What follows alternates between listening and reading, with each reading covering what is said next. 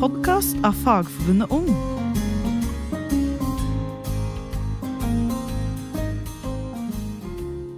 Hei og velkommen tilbake til en ny episode med Fagforbundet Ung sin podkast. Jeg heter Victoria og er leder av Fagforbundet Ung. Og normalt så har jeg med meg Jeanette, som er nestleder i studio. Men uh, i dag så har vi hatt maks uflaks. Uh, sist vi skulle spille inn akkurat denne episoden her, så lå jeg hjemme med nyoperert etter blindtarmsbetennelse. Og i dag så var det Jeanette sin tur til å ligge hjemme med influensa. Og det er intet mindre enn tre Fire dager til vi starter vårt landsmøte, og da var det viktig å bare prioritere å bli frisk.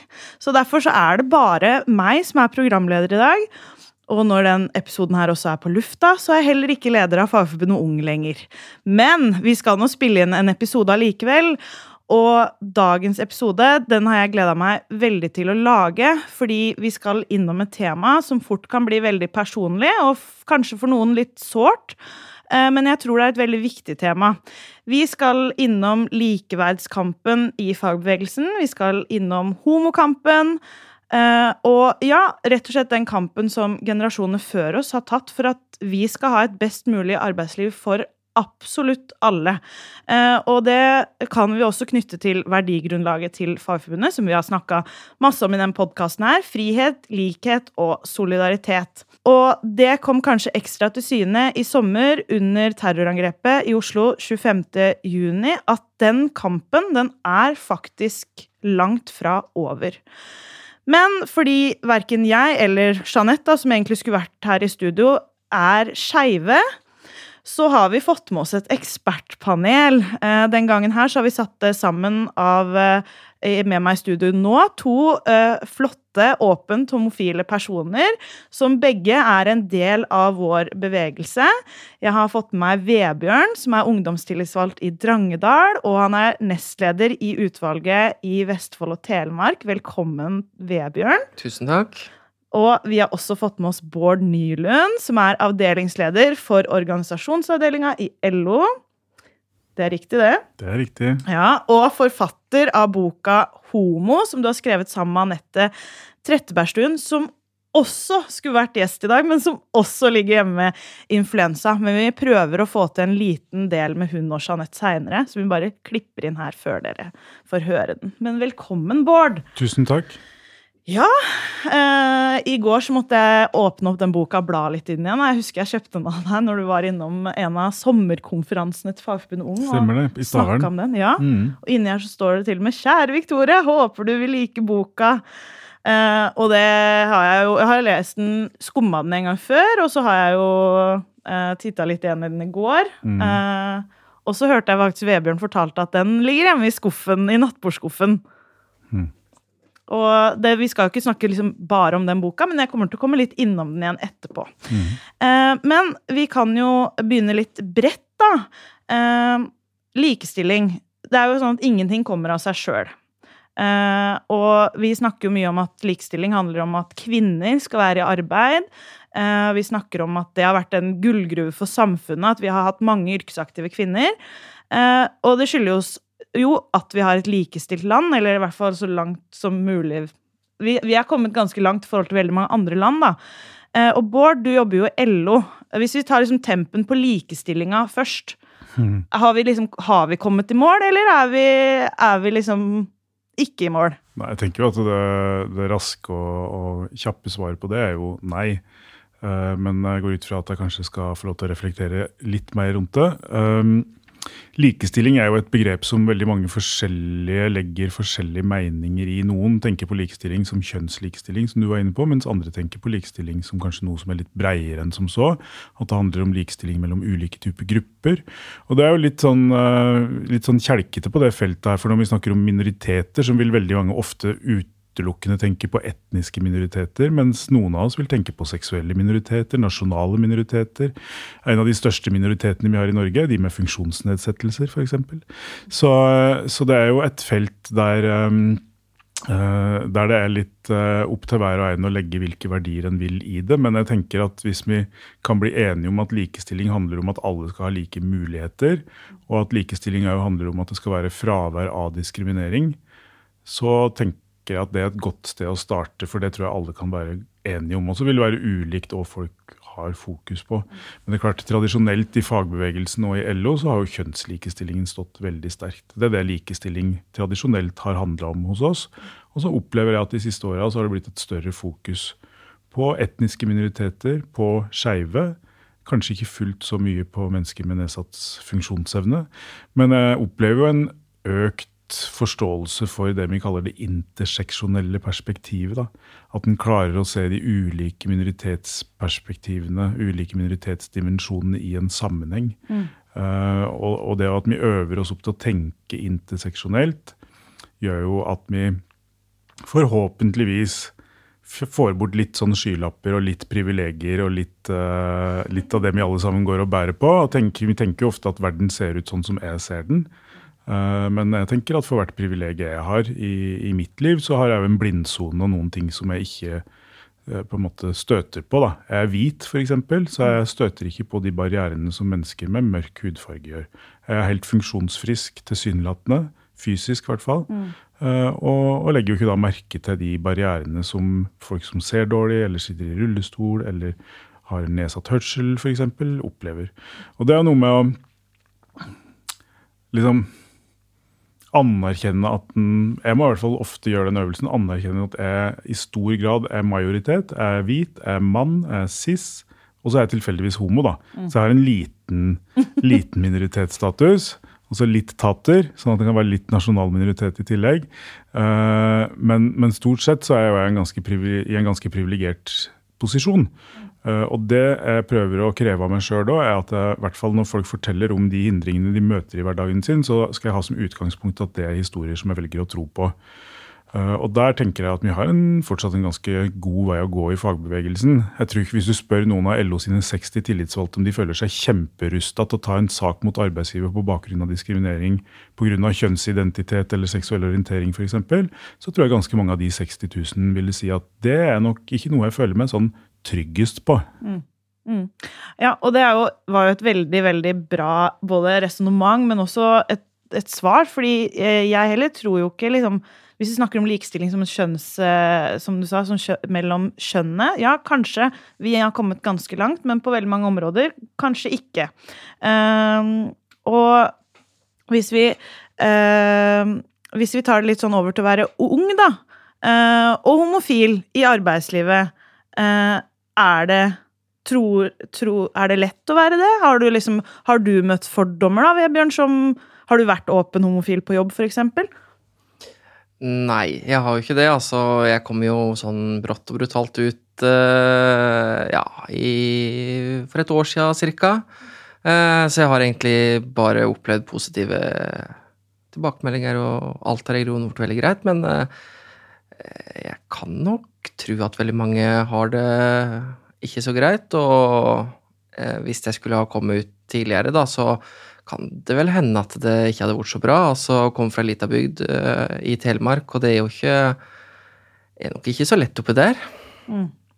Og da liksom å møte fordommer, da, på, for det er jo det det egentlig handler om. Eh, fordommer mot ulike grupper i samfunnet, om det er eh, etniske minoriteter eller, eh, eller eh, ja, eh, det homofile og skeive miljøet, da, som eh, også møter mye hat. da, Og den, det hatet kommer kanskje også fram på arbeidsplasser. Da. Det er jo veldig rart å tenke at du ikke gjør det, i hvert fall. Ja, og om ikke, den, om ikke det nødvendigvis er hat, så er det jo uh, en forakt, kanskje. Eller, for det er ikke bare, alltid bare fordommer. Nei. Det er jo aktive, negative holdninger. Uh, som ikke nødvendigvis er fordommer. Altså Folk som ikke liker homoer fordi at ikke de liker homoer. Ja, ikke sant? Altså, han har egentlig ikke noe... Uh, nei, så det er Ikke fordi at man tror at homoer er sånn, man bare liker ikke homoer. Uh, og det, jeg kan, jeg kan tenke meg at det enkelte steder i Norge ikke er like enkelt. Jeg kommer jo fra ei enda mindre bygd, som er grenser til den bygda som, som du kommer fra. Uh, men opplever jeg jo at det er sånn relativt greit der. Men vi, vi, vet jo fra forskning at en viss prosentandel oppgir at de ikke er åpne om sin seksuelle orientering på jobben. Mm. Og så vet vi at uh, det er litt forskjell på de ulike gruppene. Vi vet at f.eks. bifile kvinner og menn i mindre grad er åpne på jobb enn selvidentifiserende lesbiske kvinner og homofile menn. Ja. Og så vet vi Og det er jo ganske interessant Når det gjelder transpersoner, så er det ganske mange i undersøkelser som ikke kan fortelle noen historie fra arbeidslivet sitt. De kan ikke svare på spørsmål om de er åpne eller ikke på jobb. For de har ikke noen tilknytning til arbeidslivet.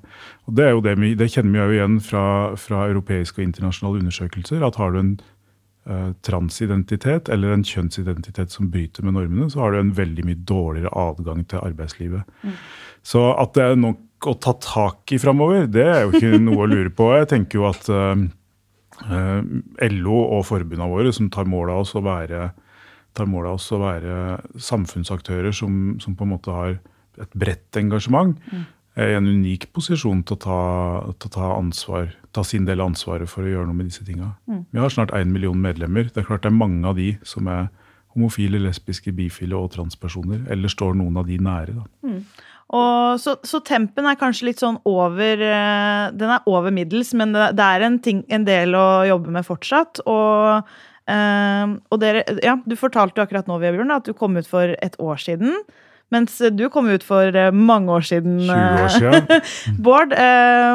og det er jo litt sånn man den, det man er kanskje redd for, som du kanskje var bekymra for, da, eller redd for når du kom ut, er kanskje egentlig mange av de samme tingene som Vebjørn følte på. Og det, og det er jo, tenker jeg, da, som heterofil og har egentlig aldri hatt noe liksom, problem med og kanskje har ikke vært redd for å være meg sjøl, men det er jo litt trist at man kanskje ikke har kommet enda lenger på det. da. Jeg tenker at Det som, som, jeg kjente på for 20 år siden, og som du Webern, kjente for, på for ett år siden, er nok veldig mange av de samme tinga som f.eks. Kim Friele kjente på for over 60 år siden.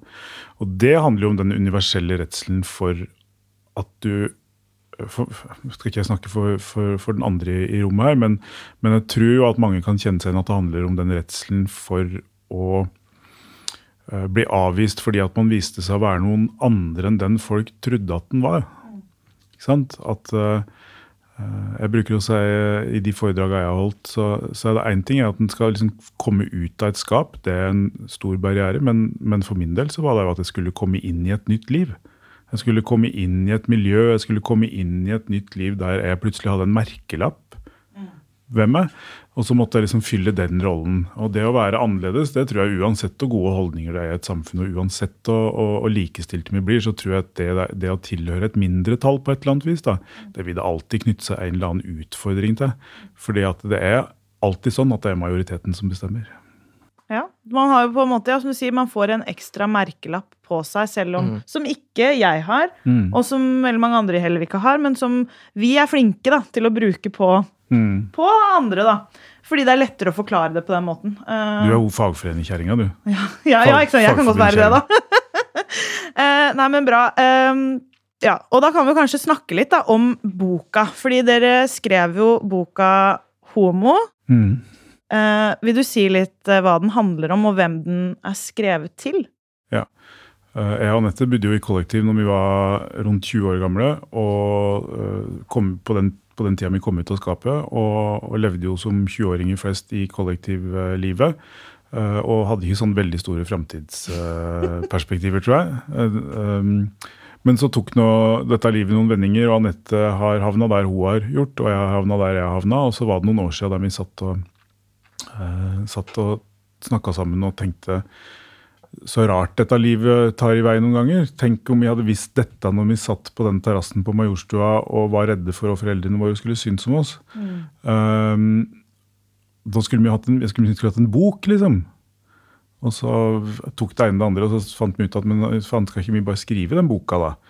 Uh, så, så, kongstanken, eller det, det som jeg hele tida hadde i bakhodet når vi skrev boka, var liksom den prototypeleseren, liksom kjernemålgruppeleseren, og det var den 17-åring, den skeive 17-åringen. Mm. Som på en måte skulle være uh, det vi skulle tenke på at vi skrev for. Uh, og så utvikler jo ting seg litt underveis i en sånn skriveprosess. Uh, og så var det veldig viktig for oss at boka òg ikke skulle være sånn elendighetsmanifest, mm. som det fins altfor mange av. Uh, det skulle være ei bok der, eh, der, det skulle være, det å være homo skulle være noe som var fint og bra og positivt og frigjørende og gøy og deilig. Uh, og så var det jo litt sånn at både jeg og Anette hadde jo Jeg hadde jo vært leder i homobevegelsen i fem år. Anette har vært uh, likestillingspolitiker. Vi var, vi var, ganske lei av å sitte i sånne debatter og snakke om nettopp sånne levekår. Én av fem har lyst til å ta livet av seg. Å nei, det er så og så mange som har blitt hiv-positive i år igjen. Altså det, altså, var veldig mye det, Folk blir kasta ut. Det var vanskelig å være kristen og homo. Uh, det var liksom veldig mye sånn elendighetsbeskrivelser, og, det, som, og det, det reflekterer jo på en måte realitetene. Men, men, det kan jo bli litt sånn at det kan gå litt troll i ord. At det blir liksom, det blir liksom skrevet i stein. Det at det å være homo er fryktelig vanskelig, for det er det den hører overalt. Sånn at Boka vår den skulle, det, Vi hadde jo en sånn setning det, det, er ikke så vondt og vanskelig, skulle liksom være, liksom være det vi tenkte når vi skrev da. Så det føler jeg jo at vi fikk til. Og så ble jo målgruppa det målgruppa ble. altså Den ble jo kjempeutvida. Mm. For det, var jo, det har vært helt overveldende for både meg og Anette de den responsen vi har fått. For det har jo vært alt ifra den skeive 17-åringen, men òg fra heterofile kvinner på 47 som skulle ønske at de hadde lest den for 20 år siden, sånn at de kunne vært en bedre venn for venninna si når hun kom ut som lesbisk, f.eks. Eller foreldre som plutselig begynte å skjønne noe av det homolivet som barna deres lever. Eh, så det har vært uh, veldig veldig, veldig fint. Nå er det jo over fem år siden den kom ut, så noen ganger så kan jeg bli litt sånn Det skjer jo veldig masse på den fronten her på få år, så noen ganger så kan jeg bli sånn Herregud, skrev vi det? Ja, det hadde vi ikke skrevet i dag. Men fremdeles så får vi jo hyggelige tilbakemeldinger. Det er ikke mer enn et par uker siden jeg fikk en melding på Instagram fra en som hadde lest boka og var klar for å komme ut til mor og far. Så det er jo fint, altså. Det er herlig. Og du har jo den boka i nattbordskuffen, Vebjørn. Ja? Ja. Har den vært viktig for deg? Eh, for å være så ærlig å si at nei, det har den faktisk ikke. Altså, Jeg har bare lest den, og det er veldig god bok. Eh, men eh, den har ikke hatt noe sånn større innvirkning på meg, egentlig. Men det er jo ei god bok å lese, og det står jo masse interessant.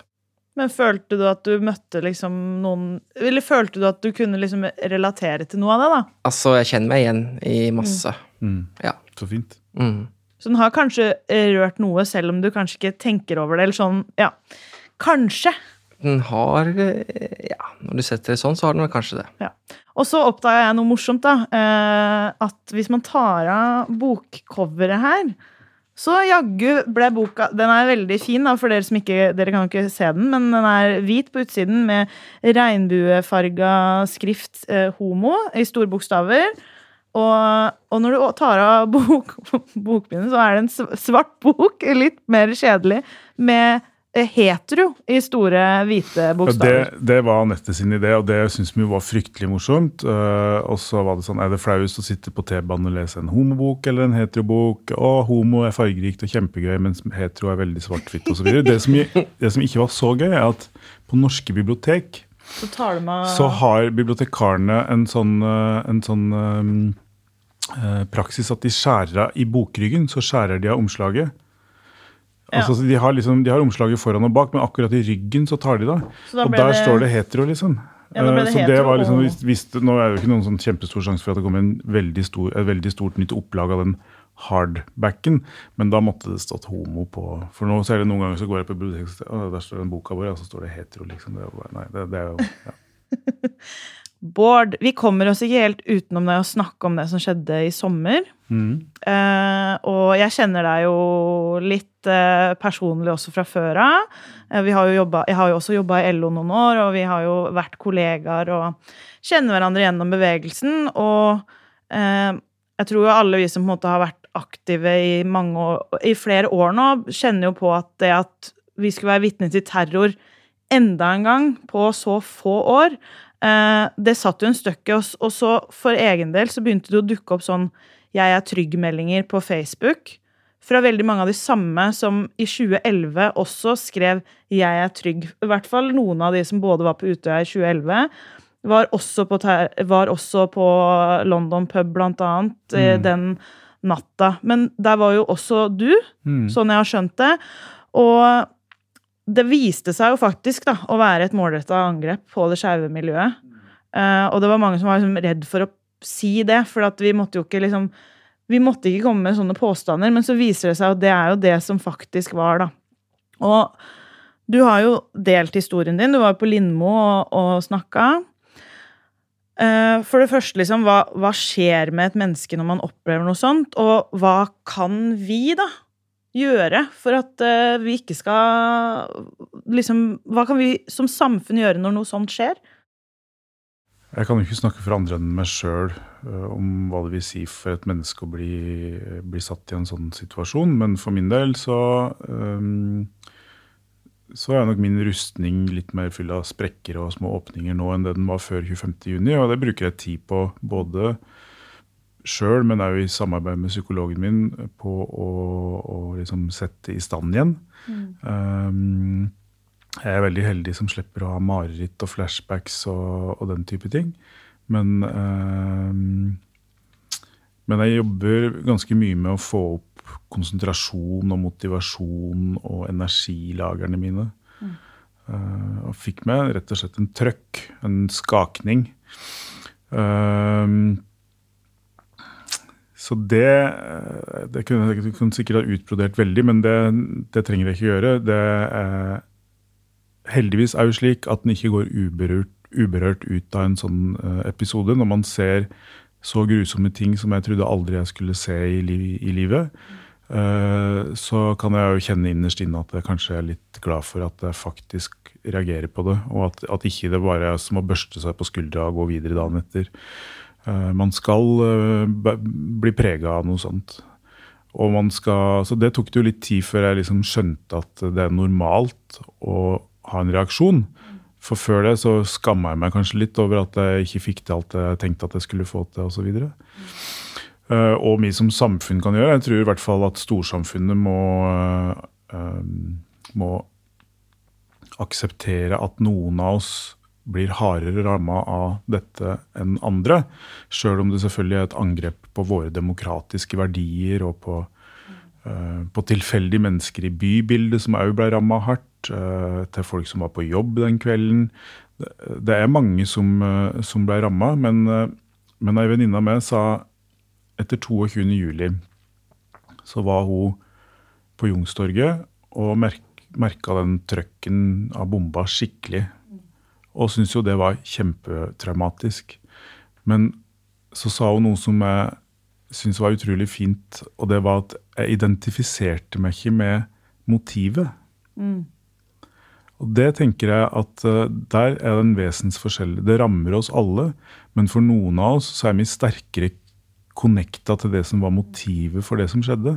Og da blir det en tilleggsdimensjon. Jeg blir veldig sjelden satt ut av å se denne gjerningsmannen på nyhetene uten å være klar over det på forhånd, eller plutselig så er det en VG-sak, eller nå skal han bli varetektsfengsla i fire nye uker, eller De tinga er ikke så de, de, gjør ikke noe for min del. Jeg vet at det er vanskelig for andre. Mm.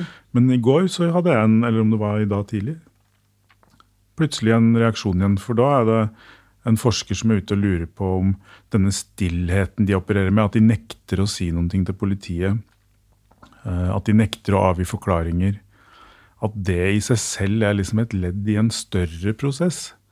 Og da kan jeg liksom kjenne at hm, det syns jeg ikke var så kult plutselig. Så eh, jeg tror beskjeden til storsamfunnet, ikke glem det som har skjedd. Det ble veldig fort stille, syns jeg. Um, ha litt ekstra omsorg for de av oss som er direkte berørt, enten ved at vi var der, eller at vi på en måte er tett på motivet. Ja, At man er en del av det skeive miljøet. At man er skeiv, rett og slett. Uh, og, og, ha en viss takhøyde for at uh, For oss er ikke dette like enkelt, og for noen er det ganske trøblete. Og veldig mange av oss har jo brukt veldig mange år på å stable på beina et ålreit liv etter å ha strevd mye med egen identitet og egen selvforståelse gjennom barneår og tenår og unge voksen, et ungt voksenliv. Og så når det er akkurat det som blir ramma, så, så, tror jeg at man må ha en forståelse for at for noen så, det, så er det ikke en quick fix å bare komme tilbake på hesten igjen og være akkurat sånn som før. Det er ganske mange av mine venner som, som for så vidt eh, jeg alltid har sett på som veldig veldig, veldig ressurssterke, som, eh, som nok dette har gått veldig mye mer inn på enn det både de sjøl og, og jeg skulle tro. Mm. Uh, hva, hva, følte du på da, Vebjørn? Hva, ble det ja, har, Det er ikke så lenge siden du kom ut av skapet, da. og liksom, Kjente du ekstra på det som liksom, ung og homofil, eller? Eh, ja. jeg følte på det, og som jeg hadde tenkt inn og faktisk på første pride uh, uh, Ja, herregud, pride-markeringa vi skulle på, jeg og kjæresten min. eh, så det var liksom sånn når du våkner til den nyheten på morgenen, så gikk det Ja, Mm. merka det, altså. Mm. Og kjenner jo det at den er jo ikke trygg eh, når det er liksom angrep mot spesifikke grupper, da. Mm. Og, det, og sånn skal det jo ikke være. Eh, Der tenker jeg i hvert fall at vi som samfunn skal være med og bidra til at dere føler dere trygge. Eh, Og trygghet er jo selvfølgelig noe som er veldig individuelt. Og, men, eh, men som du sier, Bård, det ble kanskje litt fort stille. Mm. Eh, For vi var jo mange som ville ut i gatene og vise solidaritet og være der. Så ble vi jo egentlig, fikk vi jo egentlig beskjed om at det fikk vi ikke lov til med en gang. Så var det noen som gjorde det allikevel. Eh, Så kan man jo diskutere på en måte om det ene eller det andre var den beste løsningen, men, men ja. Jeg syns i hvert fall det var veldig rørende når vi, vi hadde pride i Drammen. Jeg bor i Drammen. Mm. Og, og det å liksom være til stede der sammen med barna mine og venninnene mine og søstera mi. Og, og samboeren min gikk først faktisk i regnbuetoget, for han er politiker i Drammen kommune og fikk lov til det. Han var så stolt. Og, og, og, da, og da kjente jeg på at det, det her må vi liksom aldri slutte å, å ta et ansvar for.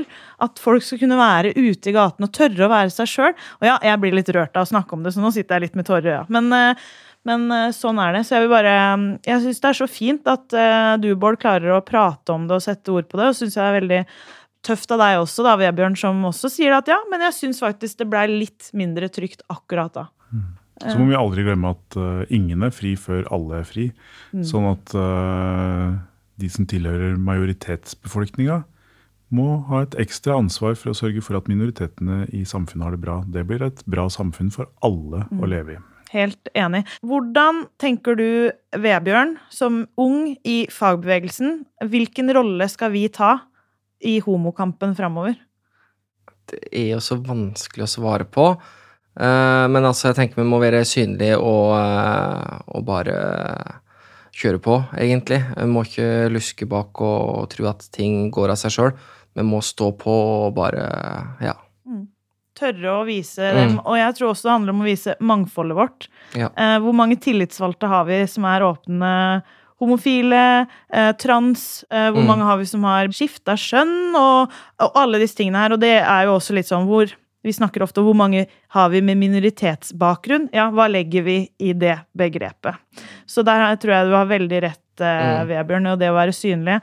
Hva tenker du, Bård, skal til for at eh, vi skal eh, klare å eh, hva, hva skal til i, i fagbevegelsen for at vi skal lykkes. Det må jo være en vilje der til å prioritere det og legge inn de ressursene som trengs for å være tydelige, sterke, gode støttespillere for eh, det skeive miljøet og for andre minoritetsmiljø. Og jeg syns jo at fagbevegelsen, eh, eller LO da, Mm. og LO-familien, mm. faktisk begynner å bli ganske gode på det skeive. Eh, Det er veldig eh, det er veldig mange prides rundt omkring i Norge som har LO som støttespiller. Mm. Som har uh, synlige folk fra LO med LO-regnbueflagg og tatoveringer. Og der syns jeg vi liksom har jekka oss opp noen hakk. da. Eh, og, og jeg tenker at det er viktig. Synlighet er viktig. Skeive er i, i utgangspunktet en usynlig minoritet som sjøl har ansvaret for å kommunisere minoritetsstatusen sin med å komme ut og si 'hei, jeg er skeiv'. For det står ikke, det er ikke en fa- Men det er ikke synlig, i det er ikke synlig på samme måten. Noen av oss kan jo være mer eller mindre synlige i ulike, ulike deler av livet, men, eh, men, eh, men nettopp derfor er det kjempeviktig. For vi har én million medlemmer. Der er det mange uh, skeive. Vi har 60 000 tillitsvalgte. Der er det mange skeive.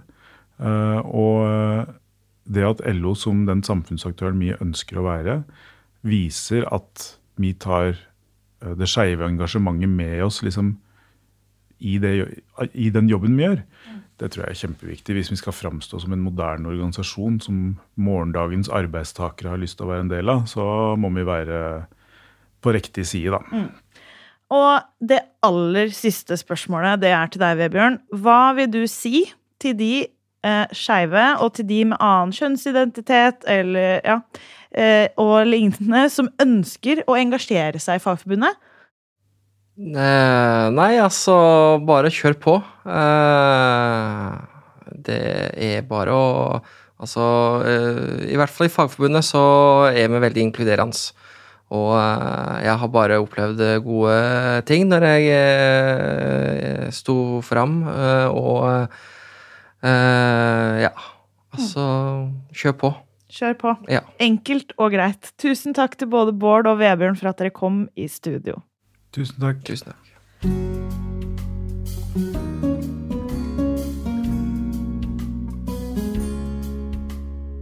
Velkommen i studio til Jeanette og Anette Trettebergstuen. Tusen takk. Ja, Sist vi lagde den episoden her, så var det litt eh, frafall av eh, sjukdom. Ja. Eh, Men nå er vi på plass i studio for å spille inn siste del av episoden, og den, Jeanette, take it away.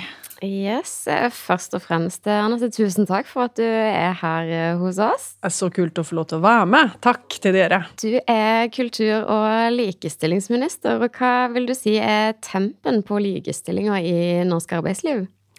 Mye står veldig bra til i norsk arbeidsliv, og det er takket være at vi har holdt oss med fagforeninger og arbeidsgiverforeninger og myndigheter som har samarbeida over lang, lang tid eh, til løsninger til, til det beste for de ansatte. Um, Så vi er veldig heldige på mange måter, men uh, det står ikke godt nok til. Jeg kommer aldri til å være en likestillingsminister som uh, hviler på laurbæret over at Norge er verdens mest, et av verdens mest likestilte land, for vi har mye ugjort. Akkurat nå så jobber jeg med en sto ny stortingsmelding om seksuell trakassering. Og det vet vi jo at det er mye av i norsk arbeidsliv. Altfor mye. Spesielt i de kvinnedominerte delene av arbeidslivet. Spesielt der det er eh, lav organisasjonsgrad. Og det er litt sånn, det kjennetegner egentlig det norske arbeidslivet. Hvis du jobber eh, på et sted der det er enten flest menn eller flest kvinner, du er uorganisert, ja, så er det mye grums, rett og slett. Så vi er absolutt ikke i mål, men denne regjeringa er godt i gang med politiske verktøy for å få arbeidslivet bedre og mer likestilt for flere. Mm, veldig bra. Eh, Og du sier jo at eh, vi har jo kommet langt i Norge, men det er jo allikevel eh, ting å ta tak i. Eh, og det er jo dessverre sånn at det fremdeles er mennesker som ikke tør å være åpne om seg sjøl og sin egen identitet på jobben. Og Vebjørn, som var her i studio sammen med Bård, han fortalte at han hadde ikke vært åpen om sin seksualitet på jobben før egentlig ganske nylig. Eh, og tror at det kanskje ikke er så lett for alle å komme ut eh, heller. Og eh, hva kan vi gjøre da for at det skal bli lettere å komme ut på jobben? Jeg tenker at det som, er, det som er eh, bra med den situasjonen, er at vi alle har et ansvar, og at vi alle kan gjøre noe. Det er ikke bare sånn at noen andre må gjøre noe sånn at det blir lettere å komme ut på jobben. Eh, selvfølgelig er det et ledelsesansvar å ha eh, å, å følge HMS-regelverk og ha et åpent og trygt arbeidsmiljø der alle skal kunne være seg sjøl. Men vi kommer ikke dit uten at hver en av de ansatte heller er oppmerksomme på hvem er det jeg har rundt meg, og hvordan er det jeg behandler folk. Og jeg tenker som så at um, vi alle sammen på jobben der vi er, da, vi kan f.eks. ikke bare ta for gitt at når en mann sier, snakker om samboeren sin, at det skal være en dame. Kanskje man kan spørre. Um, man kan uh, slå ned på sånn uh, typisk liksom-humor uh, på, på bekostning av uh, skeive, f.eks. hvis det er slike ting på arbeidsplassen. Inkludere folk. Hvis det er noen som sitter litt alene i en krok i de sosiale pausene, og sånn, så er det sikkert en grunn til det. Vær inkluderende, vær åpne, vær rause. Vær snille med hverandre, altså, rett og slett. Det skaper et trygt og godt arbeidsmiljø der man føler at man kan være seg sjøl, og derfor også komme ut. Veldig fin oppfordring eh, der, altså. Og Anette, du er jo åpent homofil, og du er politiker og, og nå statsråd. Mm. Hvordan har den reisen vært? Det har jo vært litt av en reise, det. Jeg hadde jo aldri, jeg hadde egentlig ikke tenkt at jeg skulle bli politiker, men plutselig så var jeg det, gitt. Um, nei, det er jo Jeg tenker jo at som skeiv politiker så har jeg et ekstra ansvar i å være åpen om det. Snakke om det, og også kreve det av andre. Fordi da jeg var ung og kom ut av det berømte skapet, sammen med Bård, så var det litt for få forbilder rundt oss. Altfor mange som anså det som en privatsak som de helst ikke ville snakke høyt om. Og hvis eh, nå, Det har skjedd veldig mye fram til i dag. Nå er det åpne, skeive forbilder på alle samfunnsarenaer. Mange, liksom. Det er så enormt eh, viktig. Så jeg tenker på åpenhet som, som, viktig, og kommer alltid til å fortsette å snakke, snakke de skeives sak, for det er så viktig i seg sjøl. Mm. I statsbudsjettet så prioriterer dere jo å, å øke støtten eh, til skeive organisasjoner. Mm -hmm. eh, hvorfor er det så viktig at vi har de, og at de får støtte? Jo, fordi at um, vi vet at veldig mange skeive har det ikke greit i Norge i dag, til tross for at vi er i 2022 og et av verdens mest likestilte land. Tvert imot så ser vi at for mange skeive så blir det verre, fordi uh, ordskiftet hardner til, og det er mye hatkriminalitet, mye hets, mye mm. drittslenging og mobbing. Mye mer nå enn det var for bare et få år siden. Det er en negativ utvikling, rett og slett, og den skal vi stå opp mot. Og det viktigste folka eh, til å gjøre den jobben med å endre holdninger, spre kunnskap, ja, spre informasjon, rett og slett, skape gode møteplasser rundt omkring i lokalsamfunnet, det er de skeive organisasjonene som hver eneste dag eh, har arrangementer, har kampanjer der ute i hver krik og krok hvor eh, folk eh, jobber og bor. Altså det er ekstremt viktig å støtte sivilsamfunnet, og når det kommer til homokampen og de skeives sak, de skeive organisasjonene. Derfor så har vi valgt å i et trangt budsjett eh, doble støtten til de skeive organisasjonene. Og det er spesielt viktig i år med tanke på det som skjedde 25.6. Mm, det er jo kjempebra. Men føler du på et, eh, et ansvar for å løfte det skeive miljøet inn som en kampsak i, i Stortinget og i regjering? Ja, absolutt. Eh, det gjør jeg helt klart. Heldigvis er ikke jeg den eneste som, som gjør det. Det er viktig for hele partiet mitt, Arbeiderpartiet, å, å vise at de skeives sak er en grunnleggende menneskerettighetskamp. Og en, en viktig del av likestillingskampen vår, rett og slett. Mm. Eh, og nettopp det at det, det er mange bevegelser, eh, vi har eh, mange stemmer i samfunnet som, som har mye makt, og, og, arbeiderbevegelsen er jo en av de. Eh, og vi snakker jo mye om at liksom, likestillingskampen og homokampen er en del av arbeiderbevegelsens felleskamp, da. Eh, og fagbevegelsens rolle har jo vært viktig. Eh, hva tenker du rundt vår rolle da for homokampen som, som arbeiderbevegelse? Jo, den har vært helt avgjørende, sånn jeg ser det. fordi at det er arbeiderbevegelsen som hele tida har tatt kampen for de som har måttet stå med, ja, med lua i handa, da. Enten det handla om å være småkorsfolk opp mot storbonden, eller det handler om å stå med lua i handa eh, fordi du jobber deltid, eller er midlertidig ansatt, eller fordi du blir behandla annerledes pga. hvem du er, enten det er kjønn, hudfarge eller, eller legning. Så uten arbeiderbevegelsen så hadde likestillingskampen i Norge ikke sett slik ut. og hadde vi ikke hadde definitivt ikke vært et av verdens mest eh, likestilte land. Så den, den, eh, den rollen kan ikke overvurderes. Mm. Og jeg må jo komme med et lite filmtips når vi først er innom eh, samspillet med arbeiderbevegelse og homokamp. For denne filmen Pride, ja. eh, den handler jo om nettopp det her at de eh, bevegelsene slo seg sammen og sto og kjempa både med og for hverandre. Og den avslutningsscenen der, den eh, får jeg alltid sånn skikkelig gåsehud av når man marsjerer sammen i tog. Og eh, i boka Sammen med Bård så har dere jo òg noen filmtips filmtips har, mm. har vi lest. Det har vi. Vi har filmtips, vi har boktips, vi har reisetips. Ja, så hvis dere er interessert i denne boka, så fins den i pocket og hardback der ute. Eller dere kan sende melding til oss. Et lite julegavetips der, altså. Absolutt. Eh, men sånn avslutningsvis, eh, hva tenker du blir liksom den viktigste kampen du skal ta for likestillinga i Norge i din regjeringsperiode? Og jeg kan ikke bare nevne én, for jeg har mye jeg skulle gjort. Som sagt så er det viktig å ta metoo-kampen videre. Den skrapte bare i overflaten av hva problemet og omfanget av seksuell trakassering i arbeidslivet eh, og i mm. samfunnet er. Det er derfor vi lager den stortingsmeldinga nå, som skal komme med tiltak på veldig mange samfunnsområder, deriblant arbeidslivet. Det blir viktig. Så er jeg i gang med en ny handlingsplan for LBT pluss-folk, altså skeive. Eh, fordi at vi vet at skeive har jevnt over dårligere levekår enn andre. Det må vi få gjort noe med. Så der skal vi komme med nye, kraftfulle eh, tiltak, rett og slett. Og så har jeg også som mål å, å styrke støtten til de viktigste aktørene der ute. Eh, nå har jeg snakka mye om viktigheten av de skeive organisasjonene, men også likestillingsorganisasjonene, altså kvinnesaksorganisasjonene eller eh, likestillingssentrene osv. Så, videre. så ja, vi har mye vi skal gjøre fremover. Mm. Tusen takk for at du tok eh, turen hit til oss, og ikke minst òg lykke til videre med det viktige arbeidet. Vi i Fagforbundet òg, vi skal stå på og følge med og heie sammen.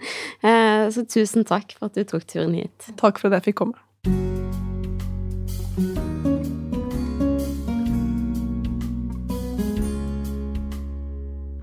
Ja, Jeanette, eh, da er også denne episoden kommet til en slutt. Ja, dessverre. Vi var jo veldig godt i gang i denne episoden, og det er så sykt mye mer vi kunne ha prata om. Ja, her kunne vi prata mye mer om både dette med seksuell trakassering, som vi har et ungdomsbarometer som har prata om. Vi kunne prata mye mer om lederen sitt ansvar på arbeidsplassen. og hvordan vi som eh, fagforbund kunne tenke oss at kanskje arbeidslivet burde sett ut. Men mm. uh, dette var det vi rakk. Vi vil takke gjestene våre, som åpent snakker om hvordan de opplever seg sjøl i et uh, arbeidslivsperspektiv. Uh, kanskje spesielt Bård, som prata om terrorangrepet og sin opplevelse. Og ikke minst at vi hadde ministerbesøk. Ja, det er stas med statsråd. Så takk til deg som har hørt på. Ny episode kommer ja, den er like rundt hjørnet, så uh, husk å få den med deg. Og takk for nå. vi snakkes. Vi, vi, vi prekast. Uh. Herregud.